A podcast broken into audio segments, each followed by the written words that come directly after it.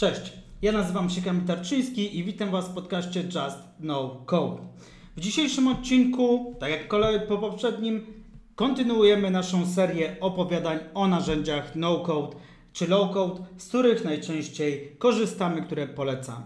W dzisiejszym odcinku będę mówił o świetnym narzędziu do budowy natywnych aplikacji mobilnych. Dokładnie tak, natywnych aplikacji mobilnych. Nie tylko PWA, ale właśnie takich, które są oparte o natywne frameworki. W tym wypadku będę mówił o Flutterflow, czyli platformie, która pozwala nam budować aplikacje w języku Flutter, we frameworku Flutter, który oparty jest o język Dart, który jest takim powiedzmy pośrednikiem, który e, gdzieś tam po kolei przekłada aplikację, tą, którą napiszemy we Flutterze, na język Swift lub język mm, androidowy. Żeby nie przedłużać, zapraszam Was do tego odcinka. Pokażę dzisiaj Wam właśnie, jak ta platforma funkcjonuje. Jak widzicie, jesteśmy w środku e, tej platformy, gdzie oczywiście, tak jak w każdym innym przypadku, zaczynamy od pierwszego ekranu pod tytułem Create Project. I tutaj, tak samo jak w przypadku Webflow, możemy sobie e, stworzyć aplikację pustą lub aplikację na podstawie jakiegoś e, template'u. My stworzymy sobie aplikację pustą, oczywiście musimy dodać sobie e, jej nazwę, dodajmy sobie nazwę Just No Code. Tworzymy aplikację pustą i zostaniemy przekierowani do edytora. Pierwsze co zobaczymy to Project Setup. E, musicie pamiętać, że aplikacje, które tworzymy we Flutterflow to natywne aplikacje mobilne. Co to de facto znaczy? To znaczy, że tutaj my tworzymy tylko i wyłącznie frontend. Jeżeli chcemy mieć autoryzację użytkowników, chcemy tworzyć jakieś rekordy, chcemy wyświetlać listy tych rekordów i tak dalej, i tak dalej, musimy mieć jakiś backend. Jakiś backend gdzieś. Flutterflow umożliwia nam natywną integrację m.in. z Firebase'em czy Supabase, natomiast nie są to rozwiązania no-codowe. Jeżeli natomiast byście chcieli stworzyć backend w Zano i połączyć to z Flutterflow, to jak najbardziej jest to możliwe i jest to wykonalne. Natomiast musicie pamiętać o tym, że nadal musicie gdzieś mieć tutaj tego Firebase'a, żeby móc skonfigurować swoją aplikację we Flutterflow. Podkreślam, dzisiejsze nagranie nie jest nagraniem szkoleniowym, na którym będziemy mówili, jak te wszystkie rzeczy zrobić, od czego zacząć, przez co przejść. Jest to wideo walkthrough. Będziemy pokazywali po prostu, czym ta platforma jest, jak funkcjonuje, co w niej się znajduje, żebyście trochę więcej się o niej dowiedzieli. Więc w pierwszym kroku, jak widzicie, yy, Flutter będzie nas pytał o właśnie podłączenie naszego projektu do Firebase'u. Jest to wymagane do tego, aby naszą aplikację móc e, opublikować, żeby móc z niej korzystać. Ja to oczywiście w tym momencie pominąłem, żeby się tym w tym momencie nie zajmować. Jak widzicie, edytor sam w sobie jest bardzo podobny do tego, co znamy w Bablu, do tego, co znamy z Webflow. Mamy naszą kartkę papieru po środku, którą ja lubię nazywać. Mamy po lewej stronie e, wszystkie elementy edytora, czy inne opcje, którymi będziemy zarządzali. Po prawej stronie natomiast mamy już właściwości, czy to danego elementu, czy czegokolwiek e, innego. Idąc od góry, oczywiście tutaj możemy sobie wrócić do naszego głównego dashboardu. Tutaj mamy informację o tym, jak nazywa się nasz projekt. E, mamy help menu, mamy informacje o skrótach klawiszowych, wyszukiwarkę czy e, kopiowanie linku do e, obecnego widoku. Tak samo jak w przypadku Webflow mamy różne breakpointy, bo Flutter również umożliwia obecnie tworzenia aplikacji nie tylko na urządzenia mobilne, ale również webowe. Natomiast musicie pamiętać, że jest to w bardzo wczesnym etapie rozwoju i e, ja bym po prostu uważał. Mamy tutaj informacje na temat wersji, w których znajduje się nasza aplikacja. Możemy sobie podglądać snapshoty czy tworzyć nowe wersje naszej aplikacji, tak żeby po prostu rozdzielić pewne e, historyczne momenty. Mamy informacje o tym, czy mamy jakieś issue w naszym projekcie, czy to są typu warnings czy errors. Mamy komentarze, mamy również podgląd kodu, bo tak samo jak w przypadku Webflow, Flutterflow umożliwia nam eksport kodu. Dzięki czemu, jeżeli nawet Flutterflow w danym momencie nie oferuje jakiejś funkcjonalności, bo platforma ma dopiero dwa lata, to możemy sobie ten kod wyeksportować i edytować już później w naszym ulubionym edyto edytorze IDE, jeżeli po prostu znamy Flutter. E, więc możemy sobie ten kod podejrzeć, możemy podłączyć jakieś GitHub repozytory, e, możemy ten kod sobie ściągnąć, czy możemy ściągnąć sobie plik APK. Możemy też nasze aplikacje e, podglądać, robić na nich preview, robić je, w, odpalać w run mode, test mode, w którym będziemy to testowali. Musicie być tylko świadomi tego, że test mode nie zawsze oddaje to, jak aplikacja będzie funkcjonowała na żywo. No i mamy tutaj, jak widzicie, różne ustawienia strony, bo na razie naszym jedynym elementem na stronie jest sama strona w sobie, więc mamy page parameters, mamy route settings i tutaj możemy sobie zarządzać tym, czy nasza strona ma mieć safe area, czy mamy chować klawiaturę na kliknięcie w ekran, czy mamy na przykład zdisablować Android Button. No tutaj musimy mieć już troszkę wiedzy na temat tego, jak funkcjonują systemy czy aplikacje mobilne, aby dobrze naszą aplikację zaprojektować. Oczywiście, praktyka czyni mistrza, jeżeli będziecie sobie to testowali, wypuszczali, patrzyli, co na co wpływa, no to będziecie już mogli tym zarządzać. Tutaj, moi drodzy, E, tworzymy wszystkie akcje dotyczące właśnie poszczególnych elementów, czy to właśnie strony, czy elementu, czy kliknięcia. E, więc możemy sobie otworzyć taki Action Flow Editor. No i on wygląda w taki sposób, że w przypadku strony możemy mieć jakiś, odpalić jakiś workflow na page loadzie, albo kiedy ktoś, wiecie, potrząśnie telefonem. Co ma się wtedy zadziać? No powiedzmy, że na page loadzie chciałbym e, wykonać jakąś akcję, więc jak widzicie tutaj tworzymy sobie takie drzewko akcji. E, czy chciałbym kogoś navigate, czy chciałbym na przykład coś zaszerować, czy chciałbym wyświetlić jakąś animację, czy chciałbym wyświetlić jakieś notyfikacje. Powiedzmy, że chcę wyświetlić alert dialog, informational dialog, no i mój tytuł to będzie tytuł, message to będzie e, wiadomość, no i dismiss będzie OK.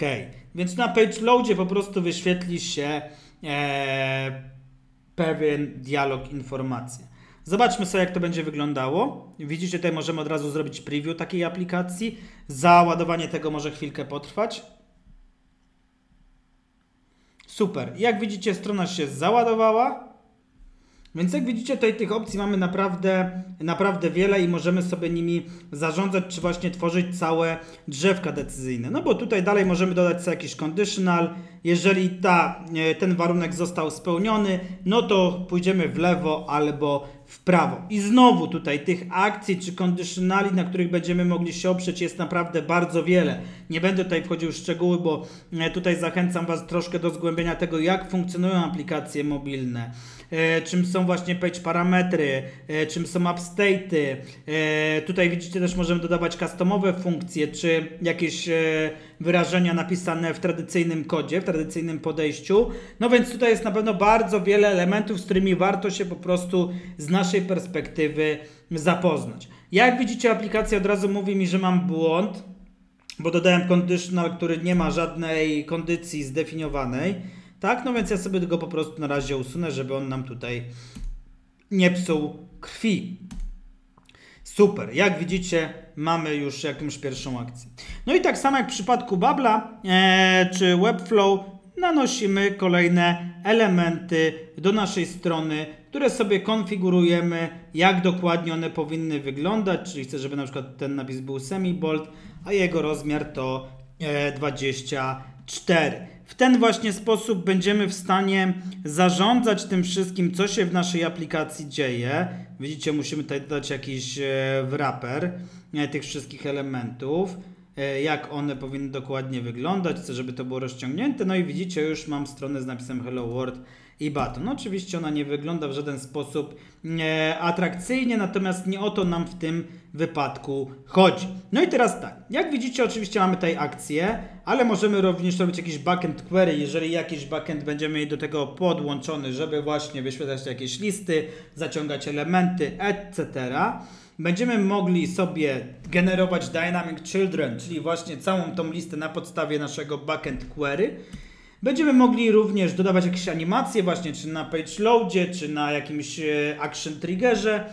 No i mamy również możliwość opisania tego, komentowania tego wszystkiego, żeby po prostu inny deweloper, jeżeli wejdzie w naszą aplikację, wiedział, co się dokładnie w niej dzieje. Bardzo fajną opcją we Flutterflow jest natomiast to, że pozwala nam bardzo zaawansowaną konfigurację styli I między innymi daje nam domyślnie możliwość switchowania między light modem a dark modem. Jak to zafunkcjonuje, to zaraz Wam dokładnie opowiem. E, możemy tutaj też sobie wyświetlić od razu device, dzięki czemu będziecie e, mogli na przykład zrozumieć, czym jest e, wtedy e, właśnie safe area, bo zobaczcie, że jeżeli sobie ją włączymy, to nam tutaj się ten widoczek trochę zmienia w tym wypadku. Super, więc mamy podstawowe opcje włączone, widzimy jak one dokładnie funkcjonują. Nie, możemy też zobaczyć, jak nasze urządzenie będzie, jak nasz ekran będzie wyglądał z klawiaturą włączoną czy wyłączoną i tego typu rzeczy. Mamy również możliwość włączenia e. Następnie, tak jak w przypadku w, w Babla oraz Webflow, mamy całe drzewko elementów, bo znowu jest to w pewien sposób zhierarchiz- zhierarchizowane, żebyśmy wszystko widzieli. Mamy nasze page, które możemy również umieszczać w folderach, dodawać sobie nowe page. Każdy page możemy stworzyć sobie pusty lub z jakiegoś, e, z jakiejś templatki, więc powiedzmy, że chcę e, sobie stworzyć jakiś, może, o, taką ładną stronę. Przepraszam, by tutaj przełączyło. Content. Chciałbym taką stronę piękną tutaj mieć u siebie w aplikacji, więc sobie klikam Create Page. No i widzicie, mam już całą stronę stworzoną. Jeżeli sobie ją podejrzę bardzo szybko, to zobaczycie też, że nie, tutaj już jest pewna interaktywność. Mogę sobie na przykład tym przesuwać. Jak sobie to kliknę, to coś się, a tutaj nic nie zadzieje, bo nie jest nic podłączone i tak dalej. Mogę sobie przewijać. Tutaj widzicie te e, czarty jakby działają po najechaniu. Mogę widzieć, co dokładnie jest czym i tak dalej, i tak dalej. Więc bardzo fajnie nam to od razu po prostu pokazuje, jak działa nasza e, aplikacja wewnątrz. No i oczywiście widzicie, tutaj ta struktura jest już wtedy dużo większa. Mamy podłączone jakieś animacje, tak, na page loadzie. Tego w preview nie widać, bo w preview nie wszystkie rzeczy są e, widoczne. Musielibyśmy wtedy wejść w test mode naszej aplikacji.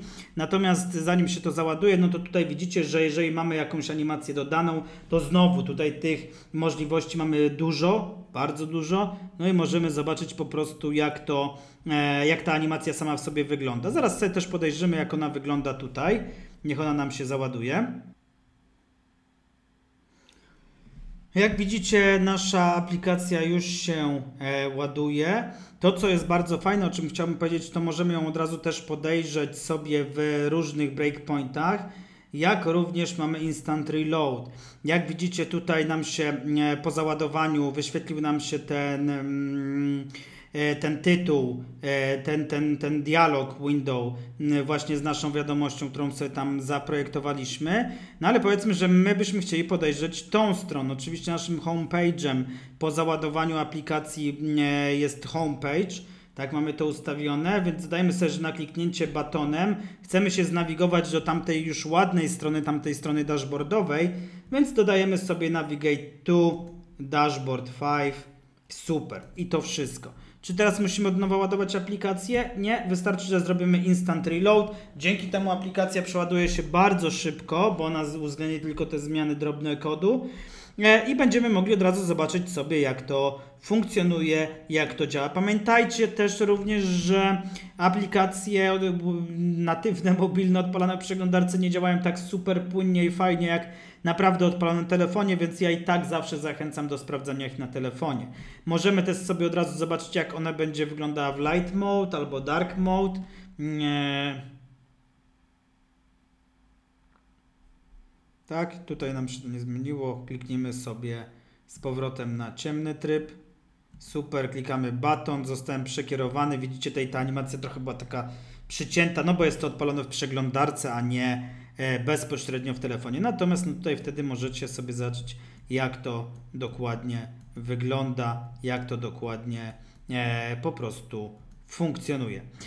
Super. E, możemy iść dalej. E, możemy iść dalej. Tutaj mamy e, również bardzo ciekawą opcję, tak zwany storyboard, po którym możemy się poruszać, patrzeć jaki workflow gdzie nas dokładnie przenosi. Jeżeli będziemy mieli więcej tych ekranów, e, no to tutaj mamy legendę też co się dzieje co jest czym. Będziemy również widzieli całą ścieżkę poruszania się tego, e, jak się użytkownicy będą poruszali w naszej aplikacji. Dalej mamy oczywiście e, database, ten Firebase'owy database, jeżeli jesteśmy zintegrowani z Firebase'em. Dalej mamy data typy, e, które możemy sobie tworzyć w naszej aplikacji. Tutaj znowu odsyłam do nauki o aplikacjach mobilnych. Mamy upstate, czyli gdzie będziemy przechowywać na przykład tokeny użytkownika, czy informacje o użytkowniku, żeby nie pobierać ich z backendu za każdym razem, kiedy coś załadujemy. No i tutaj to, co liski lubią najbardziej, czy co tygryski lubią najbardziej, nie liski, czyli dodawanie API coli. To jest właśnie to, gdzie łączymy backend z naszym frontendem, to stąd będziemy pobierali wszystkie informacje, to tutaj możemy sobie te API kole definiować, łączyć je w grupy i tak dalej, i tak dalej. Mamy naprawdę zaawansowane opcje konfiguracji, łącznie z cachingiem czy z proksowaniem naszych e, zapytań, więc będziemy mogli oszczędzać nasze, e, nasz backend, będziemy mogli nim odpowiednio zarządzać i odpowiednio go wkonfigurowywać czy wkomponowywać w całą naszą aplikację. Mamy asety, które będą bezpośrednio e, w naszej aplikacji, dzięki czemu nie będziemy musieli pobierać ich z internetu, tylko będą one od razu sczytywane z urządzenia, co jest oczywiście bardzo pomocne i bardzo pozytywnie wpływa na performance aplikacji.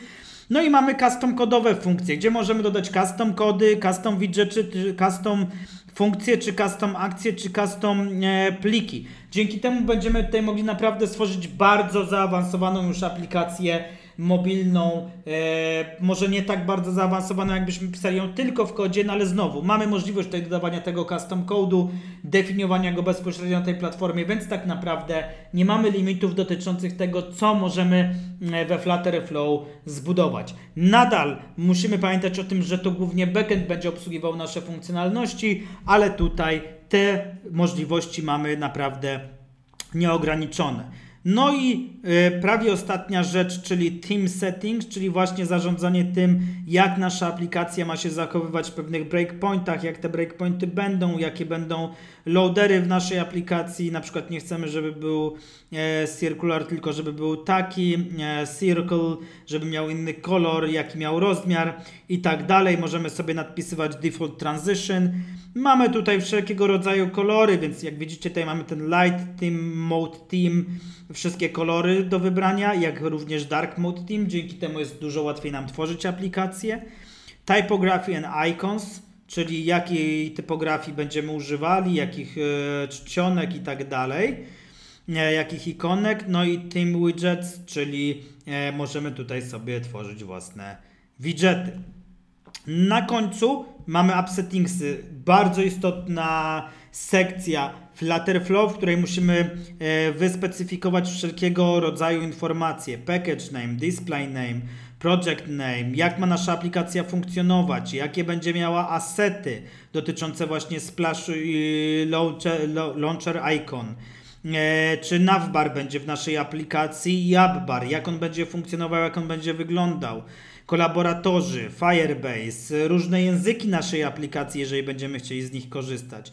Na jakiej platformy tworzymy te aplikacje? Jakie uprawnienia będziemy pytali użytkowników, kiedy będą odpalali naszą aplikację na iOSie lub mm, e, Androidzie? Autoryzacja użytkowników, czy chcemy z niej korzystać? Jeżeli tak, to czy z tej Firebase'owej, czy z tej zwykłej? Push notyfikacje, mobile deployment, przy którym się na sekundkę zatrzymamy Flow umożliwia nam publikację aplikacji bezpośrednio w sklepach. Mamy tutaj całą instrukcję, jak się do tych sklepów podłączyć, czyli jeżeli Wy stworzycie aplikację we Flutterflow, klikacie Deploy to App Store, Deploy to Play Store i Wasza aplikacja jest już w sklepach. Oczywiście, znowu, po stronie tych sklepów musicie zrobić pewną konfigurację, żeby aplikacja była realnie dostępna, ale nie musicie przerzucać tych package'ów, eksportować ich, bawić się w te wszystkie rzeczy. Macie to wrzucone od razu tam, żeby móc to publikować. Web Publishing, tak jak mówiłem, jest to dopiero początkująca opcja, więc bardzo ostrożnie bym się z nią obchodził, bo jak widzicie, również to jest informacja, że jest ona dopiero w becie.